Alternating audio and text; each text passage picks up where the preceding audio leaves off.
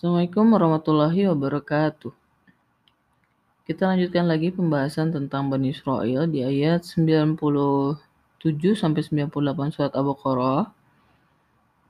Masih senada dengan pembahasan di ayat 94 sampai 96 yaitu tentang bantahan terhadap pernyataan Bani Israel. Jika di ayat 94 sampai 96 yang dibantah adalah pernyataan mereka bahwa negeri akhirat itu khusus bagi mereka. Pada ayat 97 sampai 98 ini membahas tentang bah bantahan pernyataan mereka yang menjadikan bagi Jibril musuh. Sebetulnya pembahasan tentang bantahan terhadap pernyataan Bani Israel pernah muncul sebelumnya di ayat 80 surat Al-Baqarah yaitu ketika mereka menyatakan bahwa tidak akan menyentuh neraka kecuali beberapa hari saja. Perbedaannya adalah di ayat 94 sampai 96 dan 97 sampai 98 ini langsung e, dimulai dengan kul, katakanlah. Sedangkan di ayat 80 disampaikan dulu, dikisahkan dulu pernyataan mereka sebelumnya. Baru dilanjutkan dengan kata katakanlah kul. Sebelum itu kita juga tahu bahwa ayat 94 sampai 97 ini sebelumnya diawali dengan pernyataan bagaimana Bani Israel menyikapi kebenaran dan juga perjanjian dengan Allah yang terbentang dari ayat 83 sampai 93. Jadi ada jeda 10 ayat dari sebelum dari pembahasan tentang bagaimana membantah pernyataan Bani Israel. Mengapa ada jeda? Karena dengan pemaparan uh, di ayat 83 sampai 93 surat Al-Baqarah kita jadi memahami bahwa pernyataan-pernyataan konyol mereka itu semata karena mereka tidak beriman kepada apa yang Allah turunkan, juga sikap mereka terhadap perjanjian tidak pernah mengikuti perjanjian itu. Yang dikaitkan berarti mereka bisa dikategorikan sebagai orang-orang yang kafir.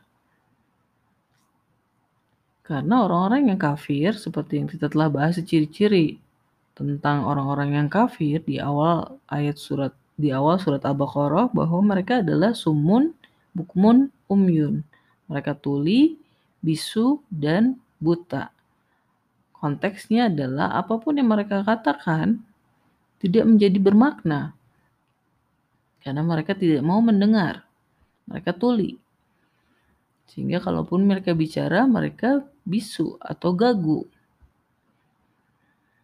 Tapi mengapa Allah masih membahas juga pernyataan-pernyataan mereka itu?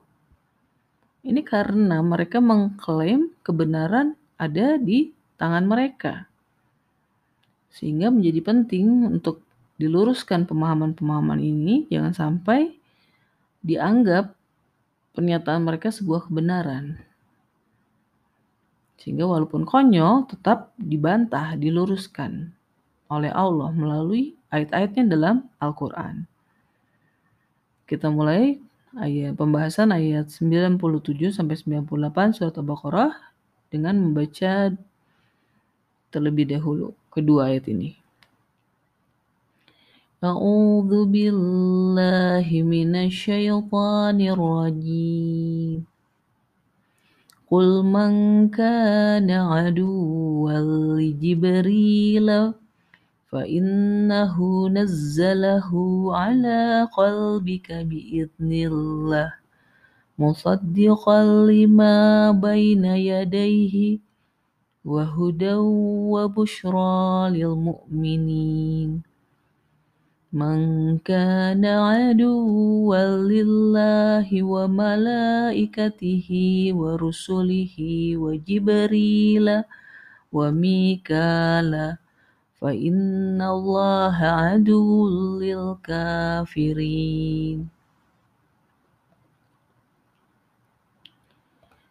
Jadi Bani Israel menyatakan bermusuhan dengan Jibril karena Jibril telah menurunkan Al-Quran bukan kepada mereka tetapi kepada Muhammad. Pada ayat 97 ini Allah menyatakan fungsi Jibril adalah yang menurunkan sesuatu yang membenarkan di antara mereka ke dalam hatimu. Hati Muhammad. Tapi Jibril melakukannya semata karena izin Allah. Tidak karena keinginannya sendiri tentunya. Maka jika Bani Israel mempersalahkan Jibril, ya tentu sama saja dengan mempers mempersalahkan Allah. Fungsi Jibril yang kedua adalah memberikan petunjuk dan juga kabar gembira kepada orang-orang yang beriman. Jadi bukan hanya kepada Rasulullah, Jibril juga ber, berkaitan atau berinteraksi atau mempunyai fungsi menjalankan menyampaikan petunjuk dan kabar gembira bagi orang-orang yang beriman. Pada ayat 98-nya Allah menyatakan bahwa siapa pun yang menjadikan Jibril musuh itu sama saja dengan menjadikan Allah musuh. Karena Allah, malaikatnya, rasulnya, Jibril dan Mikail ada berada dalam satu barisan. Dan Allah hanyalah memusuhi orang-orang yang kafir. Ada dua hal yang perlu digarisbawahi yaitu bahwa satu ketika menjadikan Allah musuh, maka berarti dia adalah termasuk orang-orang yang kafir. Ketika menjadikan Jibril musuh, berarti dia sama saja dengan memusuhi Allah, malaikatnya, rasulnya, Jibril, dan Mikail. Ini sama dengan pernyataan sebelumnya ketika membahas tentang ciri-ciri orang yang munafik, orang fasik. Mereka membohongi, menipu, hendak menipu orang-orang yang beriman. Tapi Allah menyatakan bahwa mereka hendak menipu Allah dan orang-orang yang beriman. Jadi Allah berada dalam barisan yang sama dengan orang-orang yang beriman. Dan di sini Allah menegaskan berada dalam barisan yang sama dengan Jibril. Kata musuh sendiri pernah muncul di ayat 36 surat Al-Baqarah ketika Allah memerintahkan Adam untuk turun dari surga. Allah menyatakan bahwa sebagian dari mereka, sebagian dari kamu menjadi musuh bagi sebagian yang lain. Siapa sebagian yang dibahas ini? Para mufasir menyatakan bahwa dua-duanya, yaitu antar manusia sendiri berkelahi atau saling menjadikan musuh, dan antar manusia, malaikat dan set iblis saling bermusuhan. Jadi itulah yang dimaksud bermusuhan, bukan hanya antar manusia juga tapi antar makhluk Allah lainnya yang dibahas di kisah tentang Adam. Apa itu musuh?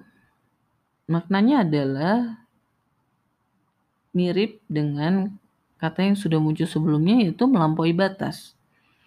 Di ayat 61 dan 65 surat Al-Baqarah, kita telah menemukan kata musuh dalam bentuk lain yaitu melampaui batas. Begitu juga di ayat 85 surat Al-Baqarah yang menyatakan Bani Israel bekerja sama, saling bantu-membantu dalam mm, dosa dan melampaui batas. Jadi yang disebut musuh ya itu melampaui batas yang sudah digariskan.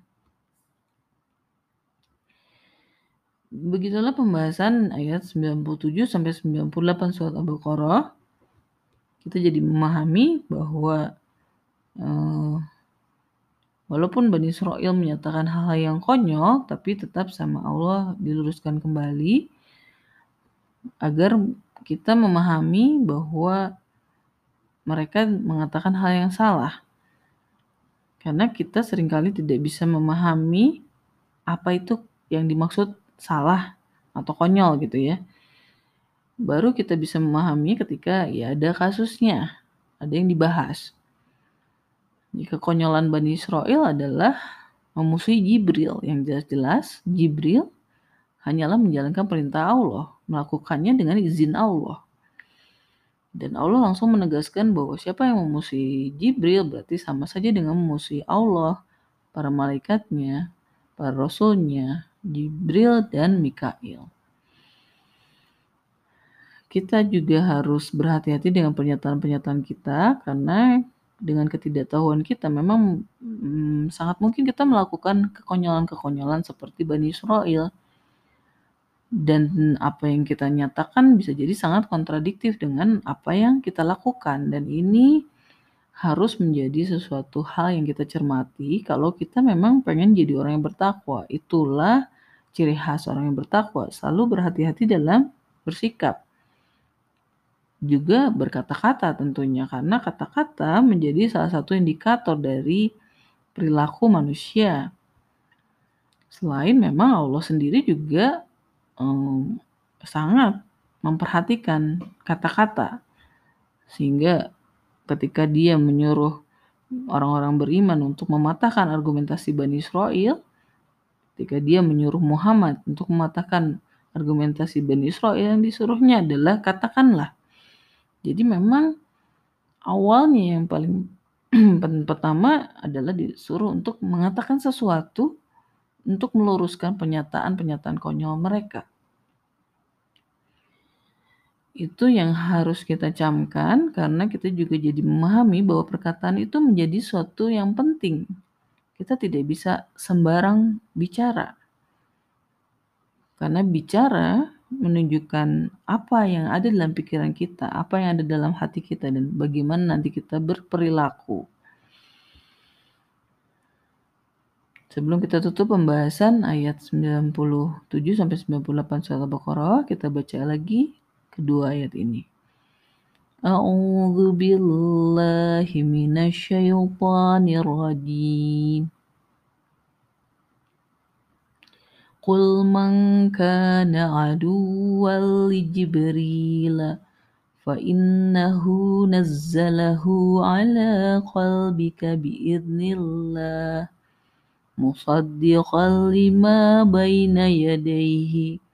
wa hudaw wa bushra lil mu'minin. Man kana aduwwan lillahi wa malaikatihi wa rusulihi wa jibril wa mikala. Fa inna allaha aduwwun lil kafirin. Sadaqallahul azim. Assalamualaikum warahmatullahi wabarakatuh.